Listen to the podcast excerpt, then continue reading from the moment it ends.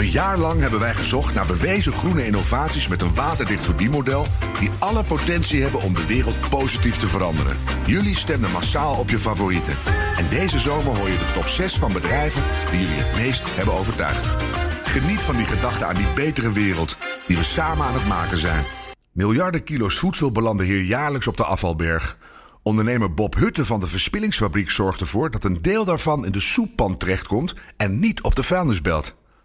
Maar eerst hoor je van Tan Timmermans hoe ons economische model ervoor zorgt dat we zoveel eten wegdonderen. Hij is directeur van de stichting Samen tegen Voedselverspilling en programmamanager Duurzame Voedselketens aan de WUR. Twan, jij zegt voedselverspilling is een symptoom van het huidige economische systeem. Wat bedoel je daar precies mee? Nou, daar bedoel ik in ieder geval mee dat het niet een simpelweg probleem is wat we even op kunnen lossen. Nee, het zit verbonden aan de hele manier waarop eigenlijk onze voedselketen functioneert. Dat betekent ook, wil je het oplossen?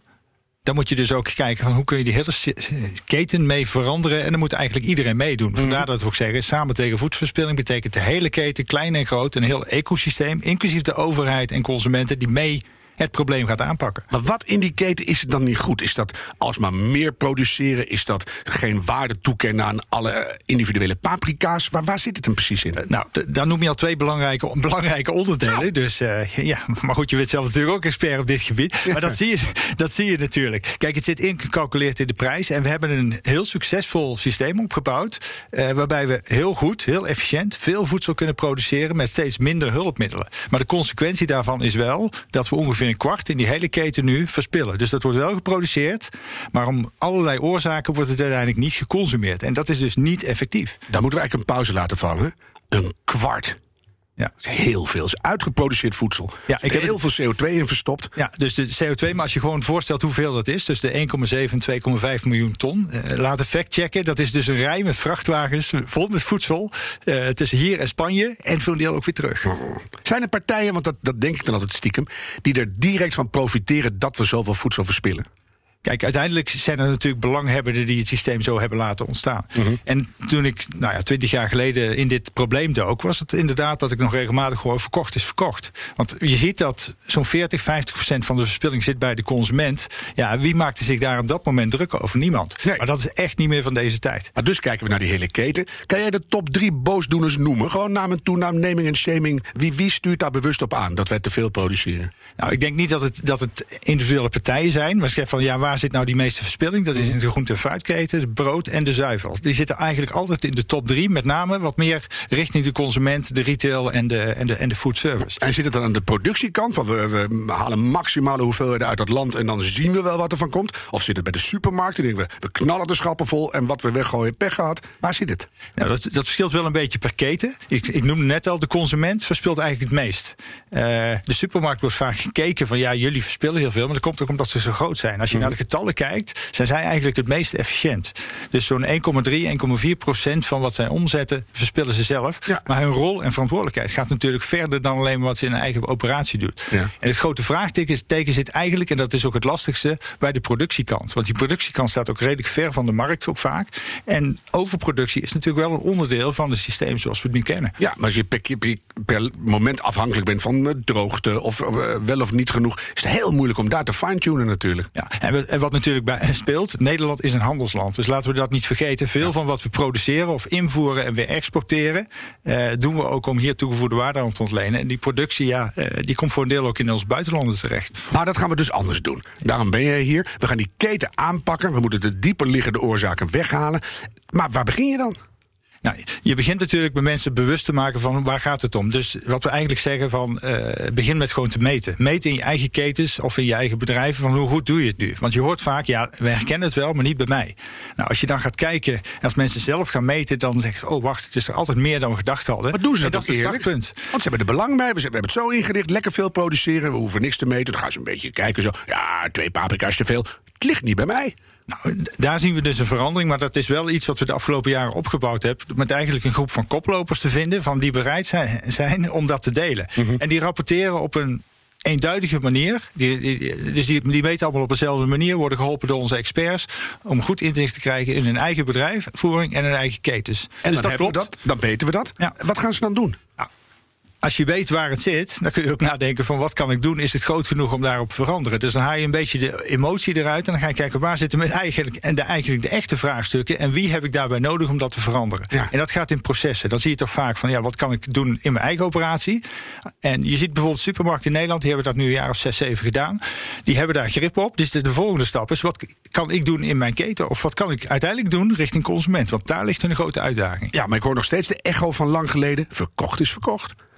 En dat zie je dus in sommige sectoren dat dat toch nog leidend is. En dan is het vaak, dat vraagt dan vaak om één of twee voorlopers die zeggen: ik wil het systeem veranderen. Dus Dan een kijk- andere prijswaardering in die keten, waardoor je minder kan maken en toch goed kan verdienen. Ja, en dan zien we dus van hoe, ga ik, hoe krijg je die verandering. Ik zeg altijd, er zijn drie redenen waarom dingen veranderen. En dat zien we nu in de praktijk. Eén is omdat een bedrijf de strategie verandert. Vaak een nieuwe CEO, een nieuwe directeur, die zegt wij gaan het anders doen. Dat is heel krachtig. Ja. Het tweede is als een sector, als iemand in de sector zich gaat onderscheiden, mensen volgen graag. Baalt de rest. Dan is het zo van, oh, wij moeten hierop reageren. En de derde, en dat is nu aan de hand, daarom wordt het natuurlijk ook zo interessant, is dat als die consument er daadwerkelijk om gaat vragen. Ja. En Je komt er toch weer uit hè, bij die consument. Want ik dacht van dat zijn cosmetische speldenprikjes op de buitenkant. Maar Nee, dat maar- doen jullie veel aan, hè? Ja, en we zien dat, het nu, dat het nu ook effect heeft. Eh, en ik vind, die resultaten zijn ongeveer twee maanden geleden naar buiten gebracht. En, en spectaculair, heeft nog niemand in de wereld kunnen laten zien... is dat de verspilling bij consumenten in zes jaar tijd met 29% is gedaald. Van t- twee- 43 kilo naar 39 of zo. Van 48 naar 41 naar 34 kilo per Dat persoon. ik. 34 gewoon.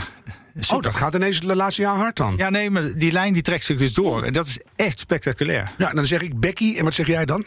Ja, hoe verspilling schrijven jij? Becky is, is de, de nationale icoon. Dus fijn dat je wel kent. Ja, die nou, Nederland gaat helpen om verspilling te kort eigenlijk. Ik had Becky volledig gemist, maar Becky, Becky is pas in september gelanceerd. rond. Ja. En is dat niet een beetje infantiel om het eh, bij de kern aan te pakken? Becky is een soort eh, seksloos monstertje die ons waarschuwt tegen voedselverspilling.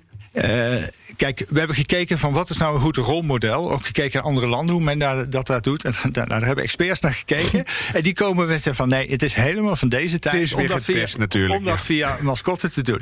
Wat, wat, wat de belangrijke is, het gaat niet om die mascotte alleen. Het gaat over die, het creëren van wat wij noemen een, socia- een positieve sociale norm. En dat zie je nu gebeuren. Er wordt over gesproken in de omgevingen. Dus het werken met, eh, eh, we zijn gestart met 25 influencers, YouTubers, Instagrammers. Het werkt gewoon. Ik merk het ook op grote congressen. Ze zeggen, wat, waar gaan al die sausijzenbroden naartoe? Daar hebben wij een oplossing voor. Ze zeggen er nog niet bij welke, maar ze, iedereen denkt daarover. Ik wil dan weten, dit is via de consument weer. Gaat het bedrijfsleven nu al mee? Zijn daar voorbeelden van? Ja, absoluut.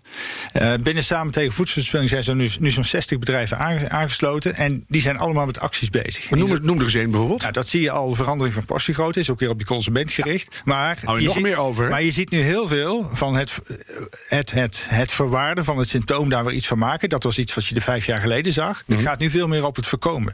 Slim eh, omgaan met je producten, slim eh, schapkaartjes bijvoorbeeld, Ja. beter bestelbeheer. Maar denk ook na over hoe kunnen we bijvoorbeeld die broodketen anders in gaan richten. Want het is eigenlijk absurd dat we iets van nou ja, 15% van het brood produceren. Waarvan je weet dat het eind van de dag wordt verspild. Dus kunnen we nu niet nadenken dat we gewoon produceren dat wat echt nodig is. Zo'n bakker ook leuk. Sta je daar 's morgens om vier uur al die, al die kadetten te kneden. En dan kan je er 15% eigenlijk meteen wegflikkeren. Ja. En dan denk ik een hele interessante, dat is ook een ontwikkeling van de laatste, laatste maanden, die ziet van kunnen we in die keten nu anders, want eh, noem bijvoorbeeld groente en fruit, niet altijd 100% voorspelbaar, het kan warm zijn, het kan tegenzitten, van kunnen we niet gezamenlijk op het moment dat er overschot is, tekorten of andere kwaliteit, toch zorgen dat die producten gewoon bij de consument terechtkomen door specifieke acties te doen bijvoorbeeld. Of andere manieren van aanbieden. het is allemaal niet zo Het is moeilijk. de week van de krentenbol. Nou, als je dan ben je wel gek als je geen krentenbol koopt, toch? Zou het helpen, Twan, als we dit wat groter gaan aanpakken? Dus niet dat Nederlandse geneuzel, maar Europees of misschien wel mondiaal. Nou, dat doen we al. Ja. Ja, ik ben, vorige week was ik in Australië, eh, de week daarvoor in Ethiopië. Hij wel. En, eh, dus, dus ja, nee, maar dan zie je dus, het is een maatschappelijk, het is een, een wereldwijd probleem geworden. Maar zijn ze daar ook ontvankelijk voor oplossingen? Want het, ja, als je tekort hebt, denk je, ja, waar zeur je over met Nee, je voedseloverschot? Kijk, wat je ziet is, het het gaat niet, daarom noem ik voedselverspilling ook een symptoom. Het gaat ook om klimaatverandering. 8% van de klimaatuitstoot is gekoppeld aan iets wat we gemaakt hebben en niet benutten. Ja. Maar kijk ook naar een wereldvoedselvraagstuk. In Australië speelt water, eh, speelt ook in, in, in Afrika en voedselzekerheid. Dus je ziet dat drijfveren zijn anders. Maar eigenlijk zegt iedereen van ja, we maken iets wat we niet gebruiken. En als we dat nu stoppen, ja, dat is, als we dat al niet op die manier impact kunnen hebben, hoe kunnen we het dan nog wel doen? Nou, jij blijft de hele wereld over reizen. Wanneer zijn we bij een systeem waarin geen voedsel meer wordt verspild? En is dat eigenlijk wel realistisch? Nou, kijk, nul, nul verspilling is niet, is niet haalbaar. Maar we, iedereen is er wel van overtuigd, de experts over de wereld, halvering zou makkelijk moeten kunnen. Uh-huh. Dus dat is ook het gemeenschappelijke doel wat we nu eigenlijk wereldwijd gesteld hebben: van halvering van voedselverspilling. En in met al die 2030. dingen van transparantie, digitalisering transport, nieuwe gewassen, alles met elkaar, halvering. En wat is jouw droom aan het eind? Ik, ik denk, kijk, uiteindelijk gaat het niet alleen om die verspilling, het gaat om een beter voedselsysteem. Mhm. Dus uiteindelijk gaat het over zeggen: van, maak nou een systeem zodanig dat het verantwoord en duurzaam is. Eh, waarbij die hele keten, inclusief de boer, ook gewoon een goede boterham kan verdienen en de consument het waardeert. Dus uiteindelijk gaat het ook om die waardering van het product. Je niet- kijkt er ineens, ik zag je het gebeuren Ja. aan de andere kant. Hij keek ineens veel blijer. Ja. Eerst was je de serieuze wetenschapper, toen werd je de, de, de ziener. Ja. En we hebben, daar ieder, we hebben daar iedereen in nodig. En wat we nu en wat we merken, je moet dit op nationaal niveau doen. Dus we hebben in Nederland nu een koplopersgroep. Maar we zijn nu kijken hoe kunnen we die verbinden met de koplopersgroep in Denemarken, in Australië, in Amerika. Al die nationale koplopers bij elkaar. Juist. En dan gaan we en daarvan elkaar leren. En wij willen een van die landen zijn die die koploper is en blijft. Ik ga dat, eh, ik ga dat helemaal volgen, dankjewel. Twan Timmermans van Wageningen University and Research. De kontjes van tomaten zijn niet goed genoeg voor een burger of een salad, maar wel voor ketchup en soep. Dankzij de Ha, moeilijk woord, de verspillingsfabriek komen ze lekker toch op je bord. Tot zo. BNR Nieuwsradio. The Green Quest. Welkom bij deel 2 van de Green Quest. De competitie waarin we nog steeds hard op zoek zijn naar de meest duurzame innovaties in het bedrijfsleven.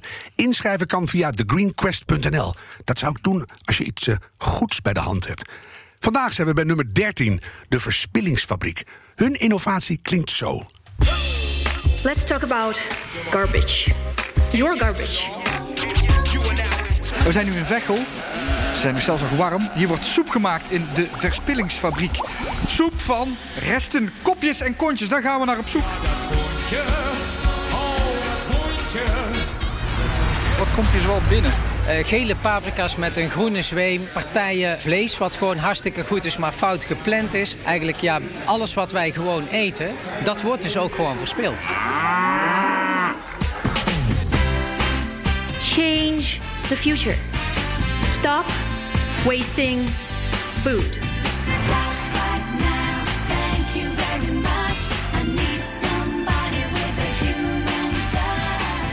Ja, Bob Hutte, directeur van de Verspillingsfabriek. Kun jij aan jurylid Wisse Hummel, Innovation Officer van Engie, uitleggen wat jouw innovatie precies inhoudt?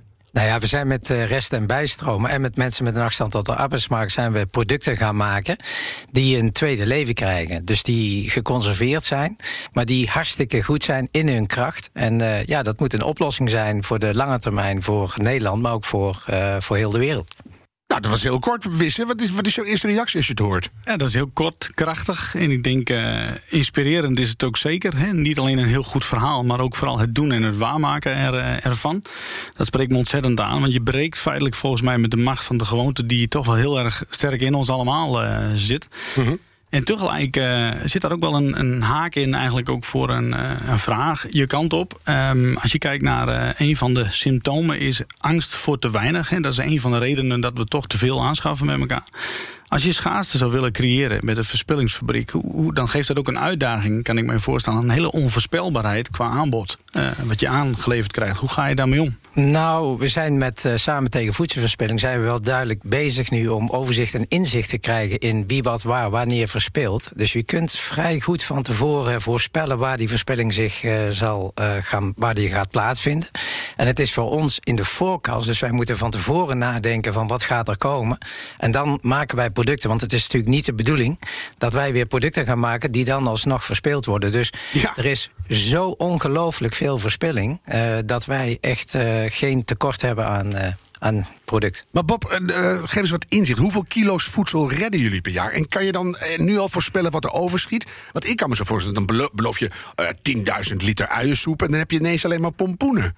Nee, zo gaat het niet. Eh, we gaan voor volgend jaar zitten we op eh, 3,5 miljoen kilo eh, product wat we eh, kunnen eh, verwerken. En eh, nee, we weten gewoon echt wel precies wat er verspeeld wordt. En er zijn een, eh, zoals eh, inderdaad tomatensoep, champignonsoep. Je hebt ook wel de herkenbare producten. Dus het heeft ook geen zin om een, een, Chinese bloemkoolsoep te maken. Want die gaat gewoon verder niemand ooit kiezen. Nee, dat is waar. Maar ik sta er toch van te kijken. Want jullie gebruiken groenten die wegens een verkeerde kleur of een schele vorm afgeschreven wordt. Ik dacht, dat doen alle gewone soep- en sausfabrikanten al. Ja, dat zou mogelijk een oplossing kunnen zijn. Kijk, eh, de verspillingsfabriek op zich, eh, die, is, die is er natuurlijk al een tijdje. Eh, ooit begonnen samen met Twan om, om eens een geloofwaardig antwoord te creëren tegen voedselverspilling. En eh, uiteindelijk is dat uitgegroeid tot nu de verspillingsfabriek. En, en op een gegeven moment zijn we ook samen aan de gang gegaan, natuurlijk onder Great Command van Twan, om een, een organisatie te maken samen tegen voedselverspilling, die in feite ook veel verder gaat als alleen de verspillingsfabriek. Hè. Dat wil ik zo horen van je. Maar ik wil eerst even in die, in die fabriek zelf zitten. Er zijn nu al eh, restaurants. In Stok hadden we hier. En die hebben ook al een groentekoppelplatform. Iedereen begint dat een beetje te Ja, doen. ja. Maar we hebben nou net gehoord dat de soep van Kromkommer het niet gered heeft. Wat doen jullie in de kern anders? Nou ja, kijk. Als je zo'n groot probleem hebt, dan moet je ook een grootschalig antwoord geven. Dus wat je ziet is dat er heel veel kleine initiatieven zijn. En je hebt nu gewoon op schaal eh, een aantal grote initiatieven nodig. En de verspillingsfabriek die zit nu dus eh, zeg maar volgend jaar op ongeveer 3,5 miljoen liter. Maar goed, dat moet gewoon naar 10, 20 miljoen liter. Eigenlijk zou de verspillingsfabriek van ons allemaal moeten zijn. Niet, niet van, eh, van Hutten. Ja. Dat zou ook mijn grote droom zijn. Maar om- da- dan wil je dus opschalen. Dat Je- nou, je in- moet opschalen. Ja, maar dat houdt in dat je moet investeren. Ja. Dan, dan vraag ik mij af, als we uiteindelijk naar een systeem gaan... want daar gaan we het zo over hebben... dat er de verspilling wegvalt... Ja. dan zit jij met gigantische fabrieken. Wat ga je ermee doen? Nou ja, laat ik zo zeggen. Kijk, voorlopig denk ik dat het nog niet opgelost is. Eh, Mhm. het zou fantastisch zijn dat na tien jaar die verspillingsfabriek op zou kunnen eh, houden te bestaan. Eh, eerlijk gezegd denk ik dat er altijd wel een bepaalde verspilling zal blijven. Maar goed.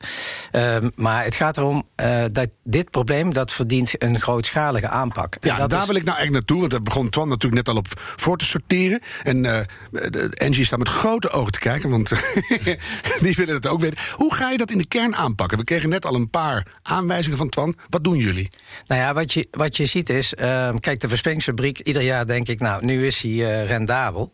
Nou, hij zit nu, zit nu tegen het eh, punt aan dat hij rendabel is. Echter, nou gaan we toch weer drie kwart miljoen investeren om uiteindelijk, zeg maar, de volgende schaal weer aan te kunnen. En ja, uiteindelijk eh, hoop ik gewoon dat er niet straks twintig verspillingsfabrieken komen, eh, maar dat eh, er één organisatie is, en dat mag gewoon een coöperatie of een stichting zijn, het maakt me niet uit, die al die rest- en bijstromen verzamelt en daar soepen en sauzen van maakt. Maar dan doe je nog niks aan dat systeem wat we in deel 1 Ja, beschrijven. jawel, want kijk, we hebben rondom die verspillingsfabriek... hebben Twan en ik, ik denk onderhand heel Nederland daar naartoe gekregen. Daarboven zit ook een heel, een heel systeem, zal ik maar zeggen... Waar je, waar je kunt kijken, waar je kunt leren... waar je bewust wordt wat voedselverspilling is. Eh, nou, daar, daar zijn nu, nu denk ik 110.000 mensen doorheen gegaan... die dus eh, bewust zijn geworden van wat verspilling nu is. En Twan heeft nu de, de Stichting Samen tegen Voedselverspilling opgericht... eh, waarbij je nu eh, alle bedrijven, alle consumenten... eh, kunnen nu aan de gang met voedselverspilling. En die transparantie neemt dat toe. Ik kijk even naar Wissen. Wat hoor jij in dit antwoord? Nou, ik, ik herken hier ook wel heel erg in de keten, hè, er doorheen van voor naar achteren. En ik vind dat ook een hele belangrijke. eh, hoe gaan supermarkten om met de adoptie ervan? In de zin van eh, hun product toepassen, maar ook kiezen, het in- kiezen ze het inmiddels als huismerk bijvoorbeeld? Een heel belangrijke stap. nou, eh. het zijn inderdaad, we, we, we verkopen nu producten onder ons merk, maar ook veel onder huismerk. Het maakt ons ook niet uit. Eh, het gaat ons om eh, verspilling en mensen met een afstand tot de arbeidsmarkt. Om, om die combinatie te maken van die twee. Maar als een supermarkt het neemt en die zetten dan een, een appie-plakker op of een jumbo-sticker... dan is jullie prachtige corporate story weg. Of zetten ze die er dan Ja, toch nog op? Maar kijk, eh, sommige mensen die zetten de story er nog op de achterkant op. Eh, maar er zijn ook nu steeds meer partijen die zeggen... joh, volgens ons kan het gewoon... de kwaliteit van de producten zijn zo goed... het kan gewoon eh, de nieuwe waarheid worden. En dat is natuurlijk wat toch? we... Ja. Mhm. Ja. in die end willen we dat natuurlijk. Nou zitten we nog een beetje in de, in de missionarische tijd... dus het zou best nog wel mogen dat er wat meer verteld werd over. Maar dit is natuurlijk wel wat we graag met elkaar willen. Kijk ik toch even naar Twan. Dan heb je uiteindelijk een aantal fabrieken... die al die reststromen worden opgevangen. Hoe komen we dan, want dat zei Wis in het begin ook... hoe creëer je nou toch iets meer van schaarste? Hè, want we gooien meubels weg, kleding. Totaal geen waarde hechten we eraan. Hoe krijgen we nou dat bewustzijn van die consument omhoog... dat we niet alleen maar per ongeluk tweedehands soep eten... om het zomaar even disrespectvol te noemen... maar dat we snappen dat elke paprika met liefde geteeld is... en dat je dat niet hoort weg te gooien. Ja, dat is een heel, heel belangrijk eh, aspect.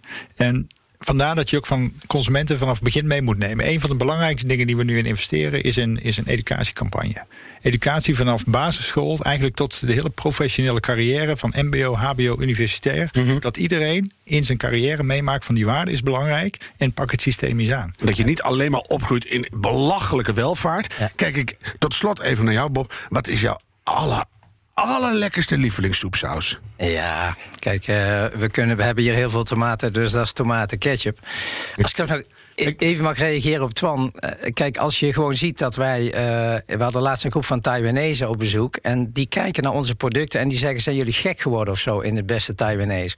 Dus wij moeten ook wel leren om anders naar onze producten te kijken. Dus eh, wat voor ons een hele grote wortel is... is voor hun gewoon een A-product. Dus het is, er zitten heel veel facetten in. Ja, Wisse staat nog de. Je, je hebt nog een halve zin. Halve zin. Verspilling in food en talent, dat is wat je nastreeft. Hoe vertaalt zich dat ook naar jullie fabriek en assets toe als het gaat om energieverspilling en anderzijds? Dat hoor je gewoon de volgende keer. Want ik zei, je hebt nog een halve zin. Je, je, je merkt dat er heel veel aan dit onderwerp kleeft. En het moet opgelost worden. Ik ga jullie bedanken. Directeur van de Verspillingsfabriek Bob Hutte, jurylid Wisse Hummel... en voedselverspillingsexpert Twan Timmermans.